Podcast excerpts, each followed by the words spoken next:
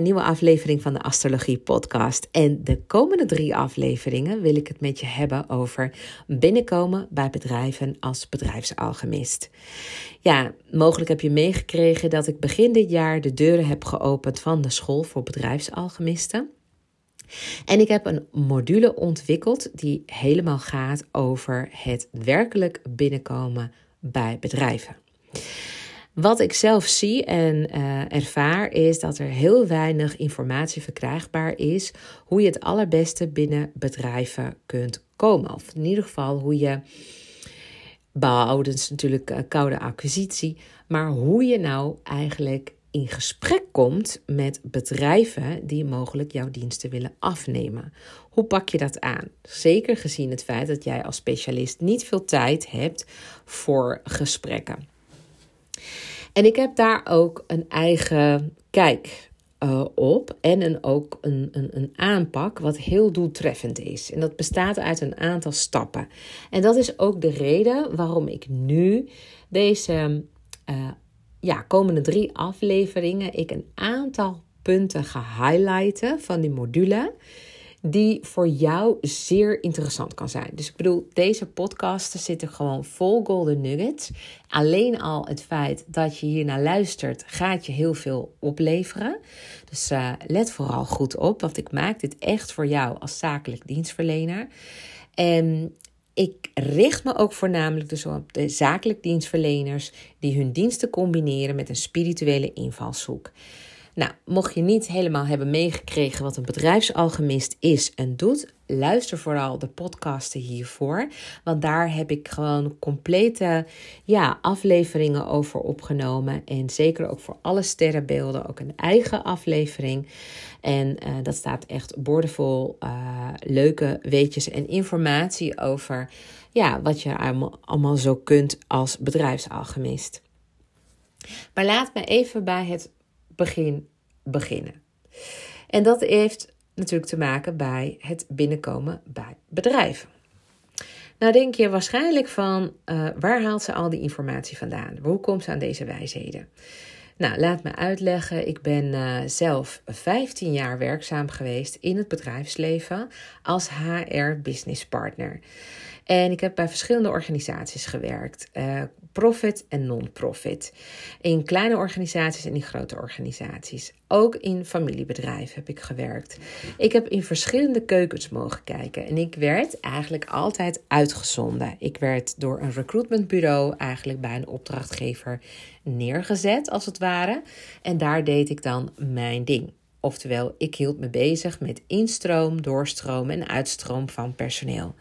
Dat deed ik natuurlijk niet alleen maar voor de, uh, de schil, zeg maar, die een vast contract had. Nee, dat deed ik ook voor de flexibele schil die daar omheen zit. En dat is nou ja, de schil die, uh, waar uitzendkrachten onder vallen, maar ook freelancers en ZZP'ers. En ja, in de tijd dat ik begon, kwam dat ook heel erg in zwang. Het was ook best wel, ja, best wel mm, toen al gebruikelijk om samen te werken met specialisten van buitenaf. En zodra ze binnen waren, dan werkten ze dus eigenlijk jaren voor die organisatie of werden ze keer op keer weer gevraagd voor nieuwe trajecten. En ja, ik hield me natuurlijk bezig met deze mensen te contracteren. En we hielden natuurlijk ook bij wat hun resultaten waren. Zeker wanneer we het hadden over gaan we verlengen of niet. En wat heeft onze organisatie nog nodig.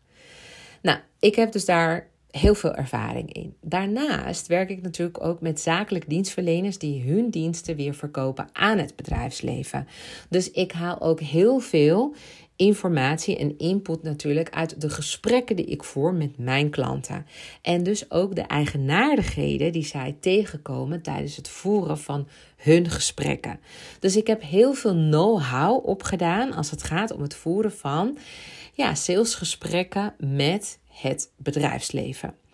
En wat we onder het bedrijfsleven verstaan, ga ik je straks uitleggen. Maar voor nu is het belangrijk dat je weet dat het besluitvormingsproces binnen bedrijven op een andere manier verloopt dan je wanneer je aan particulieren verkoopt. En mogelijk weet jij dit al, want ben jij een gevestigde zakelijk dienstverlener en je verkoopt al B2B, dan weet jij dit. Maar goed, voor de mensen die er net mee beginnen, het is belangrijk dat je weet dat, ja, dat, er, dat, dat binnen bedrijven uh, budgetverantwoordelijkheid wel echt een ding is. En dat inkopers vaak op zekerheid willen spelen. En mensen willen dus niet het risico lopen om in de diepe te springen met je. Dus hebben ze ook vaak meerdere meningen nodig voordat ze met jou in zee gaan. Ze willen gewoon niet nat gaan als het misgaat. Dus hoe meer mensen erbij betrokken zijn, hoe beter. Dit is natuurlijk vervelend voor jou, want dat betekent ook vaak dat je ja, een lange adem moet hebben. Ehm, maar ja, vanuit hun kant bekeken, ja, ze willen nou eenmaal een gedragen besluit nemen. Dus ook een weloverwogen investering doen. Het is dus uh, uh, niet zo dat ze vrij snel een beslissing kunnen maken, zoals uh, particulieren dat kunnen. Die weten, nou ja, het is hun geld. ze kunnen nu ja of nee zeggen, ze kunnen beslissen. En dan is het maken van zo'n besluit hooguit afhankelijk van wat een partner daar nog mogelijk van vindt.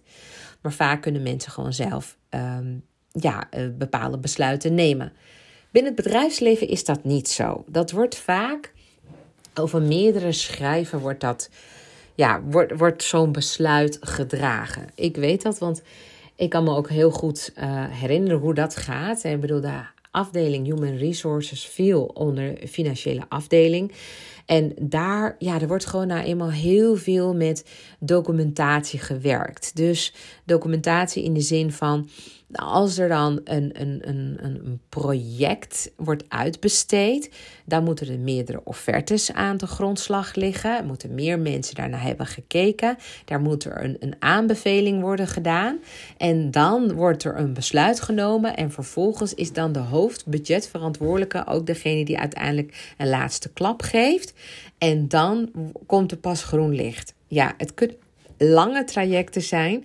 Um, en het kunnen ook wel kortere trajecten zijn. Dat ligt ook helemaal aan hoe vaak mensen al met je hebben samengewerkt. En als het al valt binnen hun budget, dan uh, krijg je heel snel gewoon groen licht. Maar als het nieuw is, ja, dan verlopen deze processen toch wel echt over meerdere schrijven. Dus realiseer je dat je dus niet met één gesprek klaar bent. Dus het betreden van bedrijven vergt gewoon nou eenmaal uithoudingsvermogen. Het is geen simpele klus, maar het is zeker wel te doen. Want op het moment dat je wel binnen bent, dan zit je gebakken over het algemeen. Want bedrijven willen bouwen aan langdurige relaties. Bedrijven werken namelijk graag jarenlang met specialisten. Ja. Ik, uh, ik kan je daar een aantal voorbeelden van geven. Kijk, bedrijven werken bijvoorbeeld jarenlang met dezelfde juristen. Van advocaten tot, uh, nou ja, uh, nou, ik, wou, ik, ik, wilde zeggen rechters, maar dat is niet zo. Maar ze gaan wel vaak naar hetzelfde uh, um, kantonrechter of rechtbank.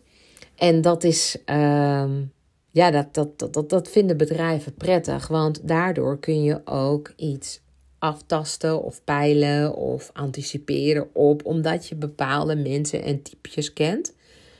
Nou, bedrijven werken ook vaak met dezelfde accountants jarenlang voor audits die ze moeten laten uitvoeren, omdat ze gewoon ja, voor aandeelhouders ook audits moeten doen, maar ook voor de Belastingdienst. En bedrijven werken ook met Arbo specialisten. Dus bijvoorbeeld een bedrijfsarts of een arbodienst. Daar werken ze ook jarenlang mee. En waarom doen ze dat? Omdat ze vaak interventies plegen. En eh, dan willen ze dus eigenlijk kijken met het, nou noemen ze dat dan, met het sociaal medisch team. Daar zit dan, dan zo'n arbo-arts bij. En een aantal mensen vanuit de organisatie en ook vaak vanuit HR. En dan ga je dus kijken of de interventies effect hebben op het ziekteverzuim of op welzijn van medewerkers. Dus het is wel belangrijk dat zo'n bedrijfsarts ook meekrijgt in wat voor cultuur uh, medewerkers uh, uh, werken. Hoe bepaalde processen eraan toe gaan, hoe bepaalde takenpakketten eruit zien, door welke transitiebedrijven heen gaan, wel voor welke uitdagingen ze staan, want dan kunnen ze namelijk meedenken. Dus ja, een bedrijfsarts is niet iets even voor één jaar. En een accountant ook niet. En een jurist vaak ook niet. Ik heb gewerkt met al deze drie personen en ik heb dat jarenlang gedaan. Ik bedoel, het was echt, nou ja, het was, het, het, het kwam niet in ons op om die contracten op te zeggen. Dat was dan alleen maar omdat dan de organisatie dat zou willen, bijvoorbeeld. Maar niet omdat wij dat wilden. En dit zijn wel hele belangrijke dingen om te onthouden. Want ook met leiderschapscoaches wordt ook heel graag langdurig samengewerkt. Want leiderschapscoaching is ook niet iets wat je van de een op de andere dag beheerst. Dat, dat heeft ook wel een langere adem nodig. En bedrijven zijn best wel ja, unieke organismen, om het zo maar te zeggen. Hebben we bepaalde achtergrond en hebben, ja, ik noem het maar even zo, een kop, romp en staart. En um, leiderschapscoaches kennen dus eigenlijk de eigenaardigheden binnen het bedrijf. Dus die kennen ook de onderstroom wat er is, maar ook de uitdagingen waar een organisatie voor staat. En dan is het ook fijn dat die leiderschapscoaches er ook een hele tijd zijn en rondlopen. Dat geldt dus ook voor strategen. Natuurlijk, bedrijven werken gewoon met verschillende strategische bureaus, maar over het algemeen kiezen ze toch wel vaak voor een organisatieadviesbureau waar ze langer uh, aan verbonden kunnen zijn. Want bedrijven willen namelijk van een bepaald punt naar een ander bepaald punt komen. En in die hele transitie worden ze dan begeleid of geadviseerd. Dus weet dus dat als je eenmaal binnen bent bij een bedrijf, dat weet een bank ook, dan wordt die, ja, dan wordt die relatie wel duurzaam. En daar komen ook bepaalde kwaliteiten bij om de hoek kijken. Hè? Van hoe bouw je dan die duurzame relatie? Hoe voed je die relatie? Ook tussen de trajecten door. Zodat ze altijd aan jou denken wanneer zij weer nieuwe gevallen hebben. Uh, waarin ze jouw diensten goed kunnen gebruiken. Dus ja, het voortraject duurt lang. Maar als je eenmaal binnen bent, dan kan het echt super lucratief voor je zijn. En dat scheelt je ook weer het zoeken weer van nieuwe klanten. Dus het is altijd fijn om van bestaande klanten weer nieuwe klanten te maken. Dus ja, doorlopende klanten als het ware. Nou, mogelijk uh, weet je niet helemaal wat, wat ik bedoel met een bedrijfsalchemist. Hè? Ik zei al, daar heb ik meerdere podcasts over opgenomen. Maar het is wel goed om dat even te herhalen. Want allereerst is het belangrijk om te weten dat een bedrijfsalchemist een zakelijk dienstverlener is, die zijn diensten combineert met een spirituele invalshoek en zich dus als spiritueel dienstverlener positioneert en dan ook nog eens aan de bovenkant van de markt. Want een bedrijfsalchemist is als het ware een juwelier, een juweel. Daar zijn er niet veel van zijn best wel uniek. Een bedrijfsalchemist maakt kwaliteit van spiritualiteit. En een bedrijfsalchemist richt zich ook op kwaliteit en op resultaten voor zijn klanten. Die combineert dus echt die expertise met een spirituele invalshoek. Dus je kunt bijvoorbeeld denken aan een financieel expert die ook human design integreert in zijn diensten. Of een leiderschapscoach die ook systeemopstellingen doet binnen organisaties. Er zijn echt legio mogelijkheden te bedenken. Een bedrijfsalchemist kan ook een expert zijn op één gebied, bijvoorbeeld hypnose voor bedrijven, of kundalini voor bedrijven, of reiki voor bedrijven, of ademcoaching voor bedrijven en zelfs kwantumfysica. De, de, de mogelijkheden zijn echt eindeloos. Ik zal ook eh, in de toekomst hier in deze podcast ook een aantal klanten aan het woord laten. En ook een aantal nou ja, bedrijven die gebruik maken van de diensten van de bedrijfsalchemist aan het woord, het woord geven. Maar dan zul je zien dus eigenlijk dat die wereld echt veel groter is en mooier en rijker. Ik zie het gewoon bijna ja, ik hou van metaforen, maar ik zie het echt als een soort van botanische tuin. Waarin allerlei ja, exotische uh, bloemen en planten groeien. Die super mooi zijn. Die ook onderdeel uitmaken van onze uh, flora. En die allemaal bij elkaar zijn gebracht. En ja, niet elke tuin is een botanische tuin. Dat zijn echt gewoon ja, specifieke planten die, en, ja, die specifieke aandacht vereisen. En zo'n bedrijfsalchemist is eigenlijk ook net zo bijzonder als zo'n plant in een botanische tuin. Zo zie ik het. Oké, nou even afstappen van die metaforen. maar even terug. Verkopen dus aan het bedrijfsleven is essentieel anders dan verkopen aan particulieren. Dus daar waar een particulier zelf over zijn geld beschikt, moet een bedrijf zich verantwoorden over de gemaakte investeringen. En een bedrijf neemt daarom over het algemeen wat langer de tijd voor de offerte. Bedrijven willen ook heel graag werken met specialisten. Dit moet je echt onthouden. Dus als jij jezelf niet een specialist noemt, dan gaan ze dat zeker niet doen. Dus je, je zult jezelf echt een specialist moeten noemen. Je moet je natuurlijk ook zo zien. Specialisten zijn mensen die hun sporen hebben verdiend. Het is dus daarom heel belangrijk dat je continu werkt aan je expertstatus. En je hoeft dus niet af te zijn. Hè? Je kunt gewoon al met datgene wat je hebt jezelf al als specialist positioneren. Je kunt met je werkervaring en uh, met de spe specifieke aanpak die je tot nu toe hebt ontwikkeld, die combinatie bij elkaar, daarmee kun je eigenlijk jezelf al positioneren als een specialist. En daarin kun je steeds verder gaan groeien. Het is minder moeilijk dan je misschien denkt, maar over het algemeen zie ik vooral mensen die twijfelen of ze wat, te brengen hebben, of dat wel voldoende is. Nou, met de School voor Bedrijfsalchemisten maken we echt van jouw spiritualiteit een kwaliteit. Want wat willen nou die uh, opdrachtgevers? Die willen kwaliteit en betrouwbaarheid. Dat is voor hen echt onontbeerlijk. Dus jij moet staan voor kwaliteit en betrouwbaarheid. Dan mogelijk richt je je al op een, uh, op een bepaalde doelgroep. Daar zit je al een tijdje op. Maar wie zegt dat je ook niet heel interessant kan zijn voor een andere doelgroep? Als je wilt richten op de bovenkant van de markt en wilt werken met de leukste klanten, dan is het belangrijk dat je weet welke problemen je oplost en bij welke doelgroep.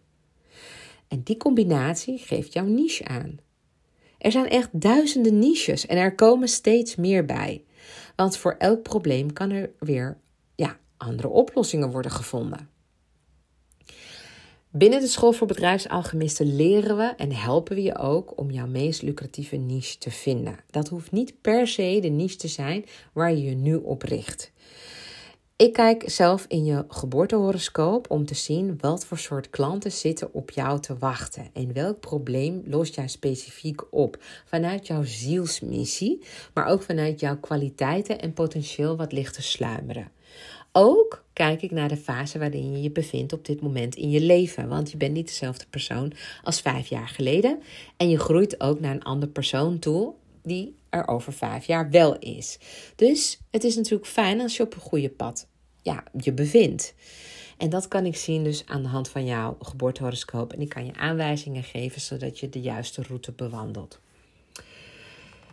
Dan eventjes weer terug naar hoe kom je nou bij het bedrijfsleven? Hoe kom je nou binnen bij het bedrijfsleven? Nou, het is ook weer hier uh, belangrijk dat je weet dat Nederland en België een diverse en levendige bedrijfscultuur kent met een breed scala aan ondernemingen. Variërend van kleine bedrijven tot uh, grote multinationals. En binnen de, de, de, de, de school voor bedrijfsalchemisten laat ik je ook gewoon zien hoe de markt gesegmenteerd is, als het ware. Omdat het dan makkelijker is om jou een groter perspectief te geven. Want mogelijk richt jij je op een bepaalde doelgroep omdat je die andere doelgroepen eigenlijk helemaal niet voldoende kent. En ik ken ze wel. Dus ik zie veel mogelijkheden binnen verschillende sectoren. En daarom is het belangrijk dat je ook weet dat er meerdere sectoren zijn.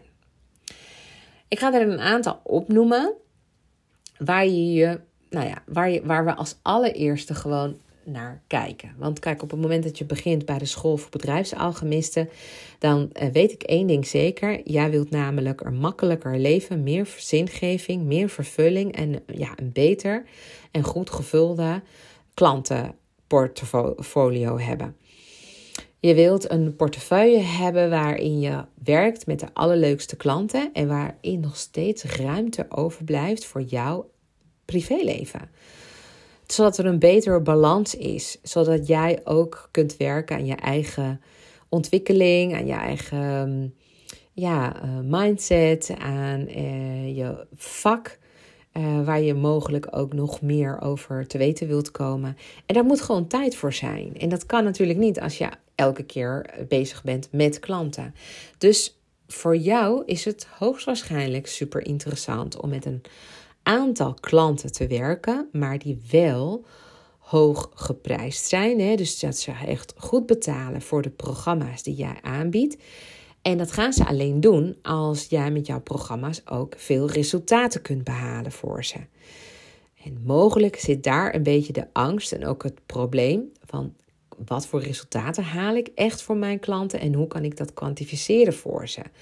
Hoe verkoop ik dat dan weer aan ze? Dat mede door mij toedoen de resultaten van bijvoorbeeld het bedrijf, de afdeling of uh, het management toegenomen zijn. Dat stuk, dat is ook het stuk wat we, wat we onder handen nemen in de school voor uh. Dus tijdens het traject gaan we hier ook naar kijken. Maar we gaan even weer terug naar het, uh, ja, het aantal sectoren. Want ik ga je nu heel eventjes uh, in een uh, nou, nutshell, maar goed. Ik ga je wat meer even vertellen hoe de markt gesegmenteerd is. Dit is voor deze aflevering wel even belangrijk, dat je dat meekrijgt.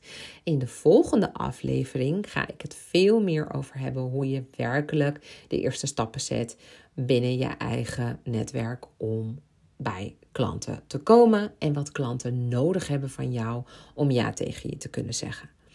Uh, een aantal sectoren. Nou, uh, handel, vervoer en opslag, horeca en catering, financiële dienstverlening, landbouw, bosbouw en visserij, zakelijke dienstverlening, onderwijs, gezondheidszorg en maatschappelijke dienstverlening, uh, cultuur, sport en recreatie, overheid en overheidsdiensten uh, internationale organisaties. En nou, wat dacht je van uh, informatie en communicatie?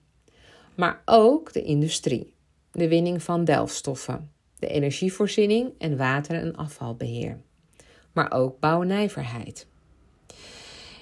Je ziet al, dit zijn eigenlijk allemaal al sectoren waarin je je zou kunnen begeven. Mogelijk heb je al ervaring met een aantal van deze sectoren en mogelijk bied je ook al diensten aan een van deze sectoren. Het is belangrijk dat je weet dus dat er meerdere sectoren dus zijn. En ook sectoren waar jouw unieke bedrijvigheid eigenlijk ook meer dan welkom is en waar heel weinig concurrentie is voor jou. Dan, ik heb het eventjes samengevat.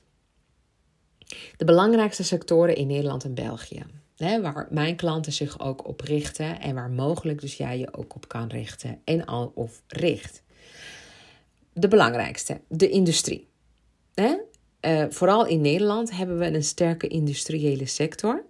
We hebben de voedingsmiddelenindustrie, de chemische industrie, de farmaceutische industrie, de metaalindustrie en de elektronica-industrie. Een andere sector is de dienstverlening.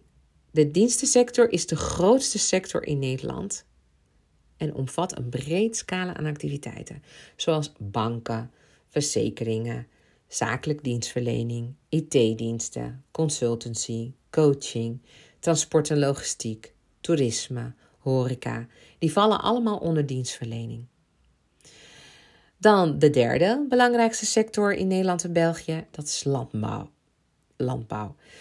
Ja, dus ehm, hoewel de agrarische sector in Nederland in ieder geval niet in termen van werkgelegenheid de grootste is, is Nederland wel bekend om zijn geavanceerde landbouwtechnieken en export van landbouwproducten zoals uh, nou, bloemen, zuivelproducten, vlees, groenten en fruit.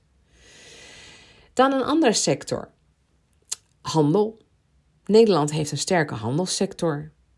Mede dankzij de geografische ligging hè, en de Rotterdamse haven. Want dat is weer een belangrijk knooppunt in, uh, voor onze internationale handel.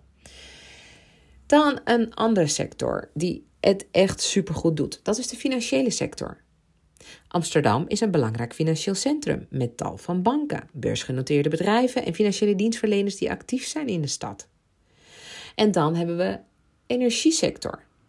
Nederland heeft een diverse energiesector, België trouwens ook, waaronder olie- en gaswinning, duurzame energieopwekking zoals windenergie en zonne-energie en de ontwikkeling van nieuwe technologie op het gebied van energieopslag en energie-efficiëntie.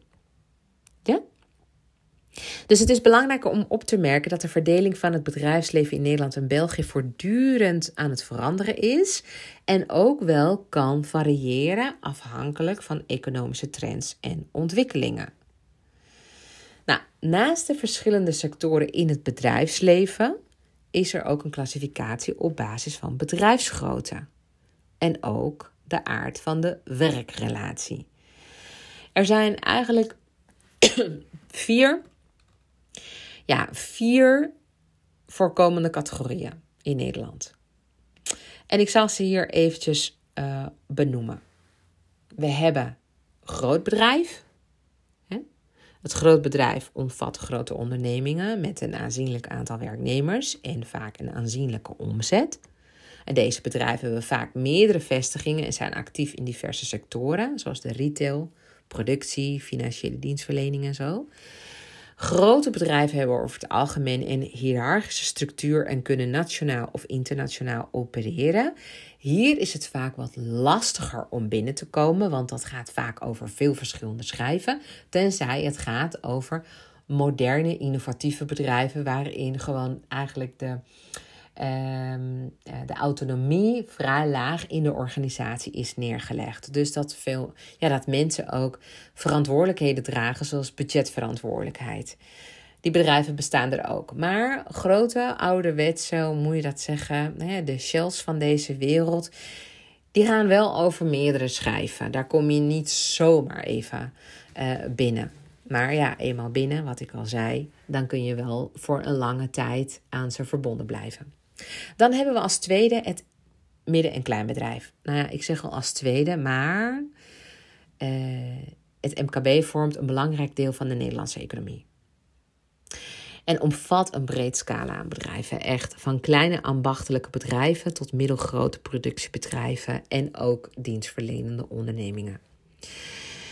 Het MKB bestaat uit bedrijven met een beperkt aantal werknemers en beperkte omzet de exacte definitie van het MKB kan dus wel variëren. Maar over het algemeen vallen bedrijven met maximaal zo'n 250 werknemers en een jaaromzet tot een bepaald bedrag binnen deze categorie.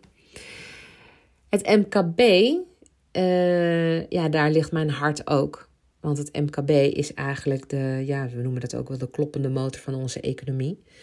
Um, en um, het MKB is ook wel makkelijker in het nemen van besluiten. Als het gaat om het aantrekken van derden. En het wordt wel iets makkelijker om derden aan te trekken. Dat komt ook omdat er een personeelstekort is. Dus bedrijven moeten ook wel uh, buiten de deur shoppen, omdat ze nou eenmaal die expertise niet in huis hebben. Dus dat is dan wel weer een voordeel voor een bedrijfsalchemist. Um, maar ja, het MKB is super interessant. Dan hebben we de ZZP'ers, dus dat is de zelfstandige zonder personeel. Een ZZP'er is, uh, nou ja, wat ik al zei, een zelfstandig ondernemer zonder personeel in dienst. Ze werken ook wel vaak als freelancers of op projectbasis en zijn actief in verschillende sectoren. Dus zoals consultancy, coaching, creatieve beroepen, IT, vormgeving. Ik ben daar zelf ook iemand van. Ik ben zo begonnen. En dan ga ik door naar het MKB. Want ja, je hebt een school voor bedrijfsalchemisten. Dat alles groeit binnen mijn organisatie, binnen mijn bedrijf. Maar ja, ZZP'ers hebben doorgaans flexibiliteit en autonomie in hun werk. Maar dragen zelf ook de verantwoordelijkheid voor hun onderneming. Dus ZZP'ers kunnen ook een hele interessante doelgroep zijn voor bedrijfsalchemisten. Want ZZP'ers hebben ook hulp nodig. Die lopen ook tegen dingen aan. Tegen zichzelf, tegen uh, uh, ja, het aantrekken van personeel, het delegeren van taken. Samenwerken met een bedrijfsalchemist kan ze heel erg veel inzicht geven in blokkades die ze hebben, uh, waardoor ze niet verder komen. En dan hebben we de laatste groep, dat zijn de freelancers. En freelancers zijn dus professionals die op zelfstandige basis werken en hun diensten aanbieden aan verschillende opdrachtgevers. Ze kunnen actief zijn in diverse vakgebieden, waaronder schrijvers, eh, ontwerpers, architecten, vertalers, marketeers. Freelancers hebben vaak flexibiliteit in hun werkuren en projectkeuzes en werken doorgaans op basis van tijdelijke contracten of opdrachten.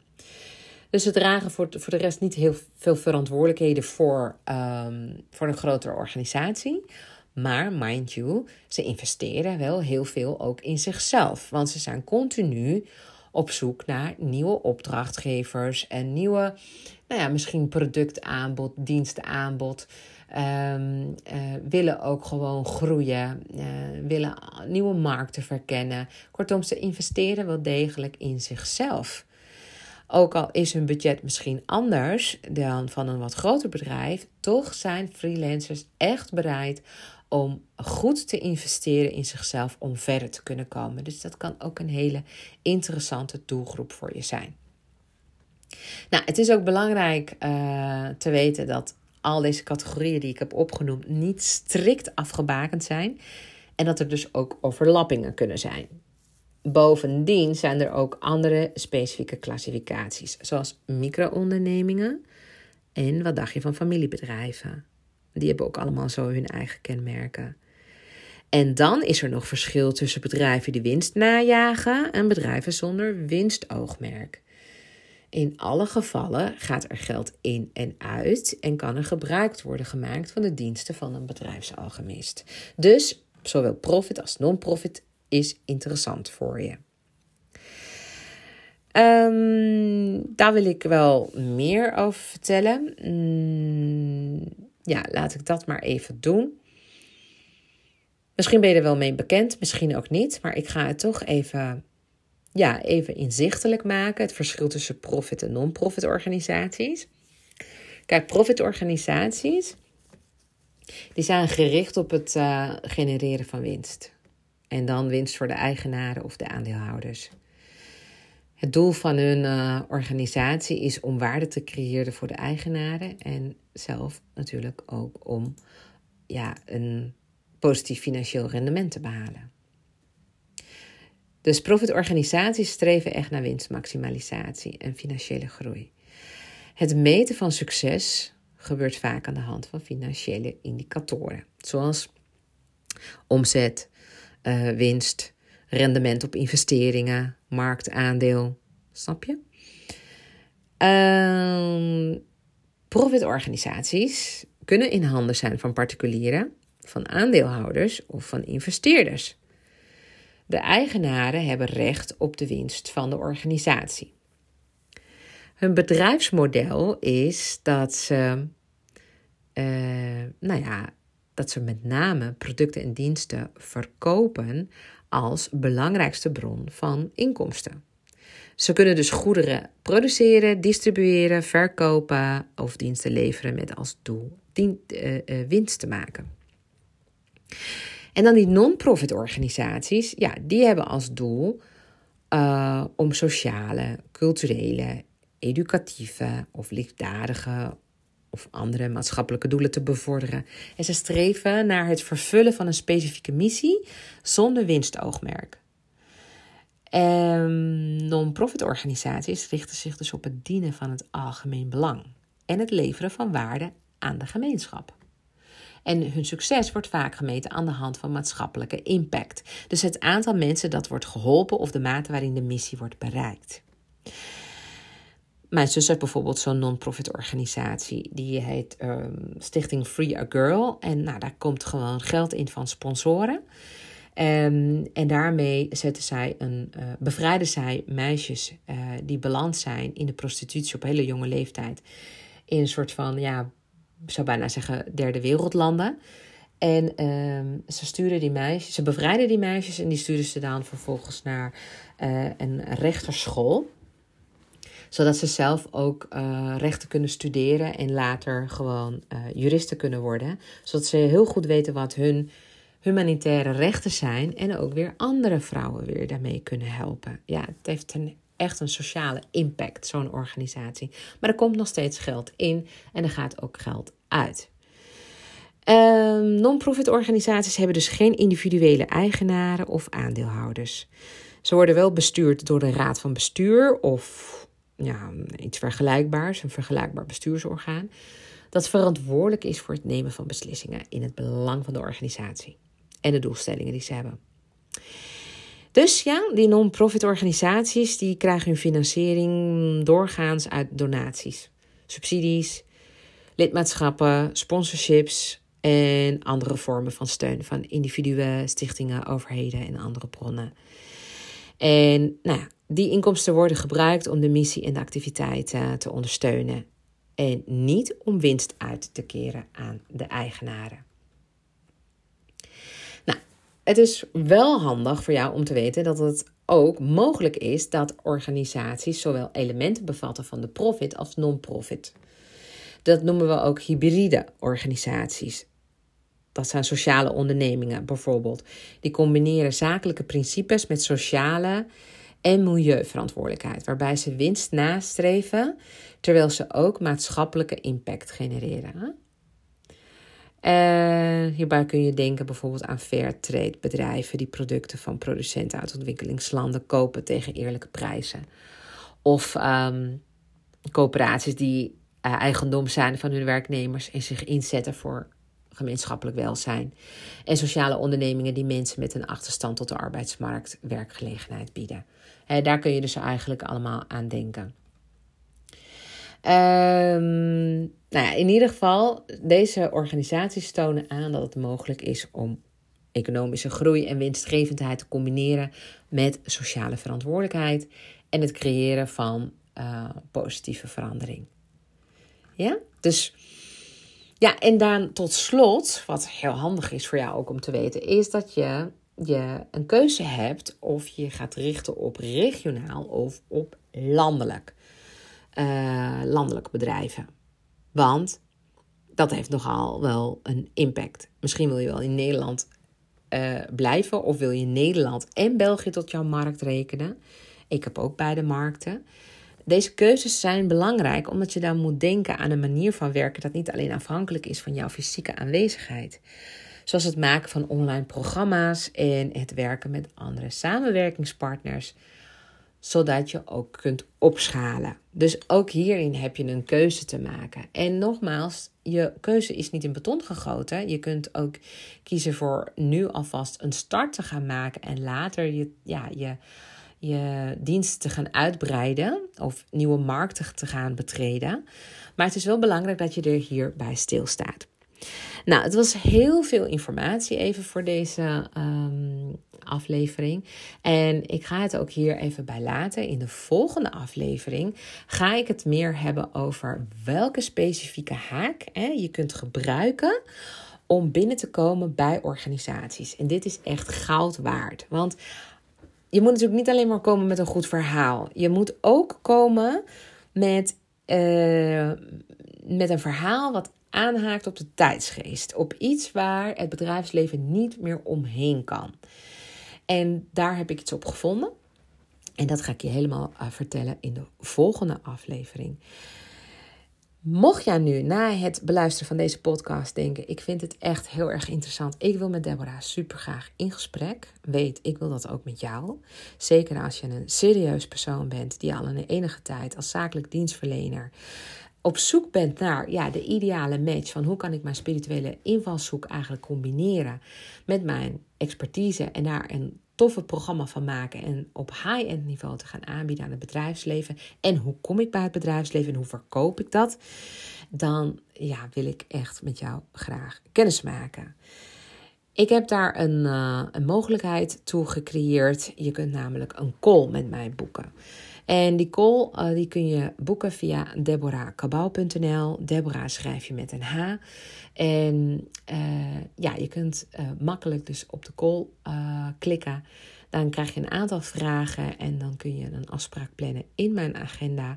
En dan ga ik ook tegelijkertijd kijken in jouw horoscoop. En ga ik je ook heel eerlijk zeggen welke mogelijkheden ik voor je zie, of ik het potentieel in jou zie om te groeien tot een volwaardige bedrijfsalchemist die veel impact kan maken. Um, um, maar ik vertel je ook dus welke ideeën ik voor je heb. En ik wil ook gewoon graag aftasten of een samenwerking erin zit tussen ons. Zodat je opgenomen kunt worden in de school voor bedrijfsalchemisten. Dan kom je eigenlijk in een community waar nog meer bedrijfsalchemisten uh, zich begeven en ook aan het leren zijn hoe zij hun diensten al op de allerbeste manier kunnen verkopen aan het bedrijfsleven. Ik help je één op één. Ik heb natuurlijk daar ook een team voor en ik heb daar ook een leeromgeving voor. Maar we werken met name heel erg um, één op één, want ik adviseer graag ook uh, op een manier die heel erg bij jou past omdat ik wel echt in staat ben om te kunnen zien waar jouw goud zit. Waar jouw uniekheid zit. Zelfs als jij het zelf nog niet helemaal volledig ziet. En daarin ga je vreselijk groeien. Ga je veel sneller stappen nemen. Waardoor je gewoon veel makkelijker high-end programma's gaat verkopen aan het bedrijfsleven. Dus ga naar deborahkabau.nl. Je kunt ook een e-mail eventueel naar mij sturen via team.deborahkabau.nl als je dat liever hebt. Mogelijk wil je eerst eventjes nog met mij chatten. Dat mag. Je kan me ook rustig even wat vragen stellen. Ga dan naar mijn profiel op mijn LinkedIn-pagina, Deborah Cabau. En dan ontvang ik graag je DM. Ehm, ik ben ook super benieuwd wie je bent, wat je doet, wat je ambitie is. Uh, ik neem jou heel erg serieus. Um, en daarom uh, ben je van harte welkom voor het boeken van die afspraak. Heel erg bedankt voor je loyaliteit. Dat je tot nu toe al hebt kunnen uh, beluisteren wat ik hierover te vertellen heb. Volgende week, zoals ik zei, komt deel 2 en dan komt er ook nog een deel 3. Mis het niet. Abonneer je daarom even op deze podcast. Dan ontvang je vanzelf een belletje op het moment dat er een nieuwe podcastaflevering uit is gekomen. En eh, voor nu wens ik je gewoon een hele fijne dag, middag of avond, afhankelijk van wanneer je dit beluistert. En heel graag tot de volgende keer. Thank you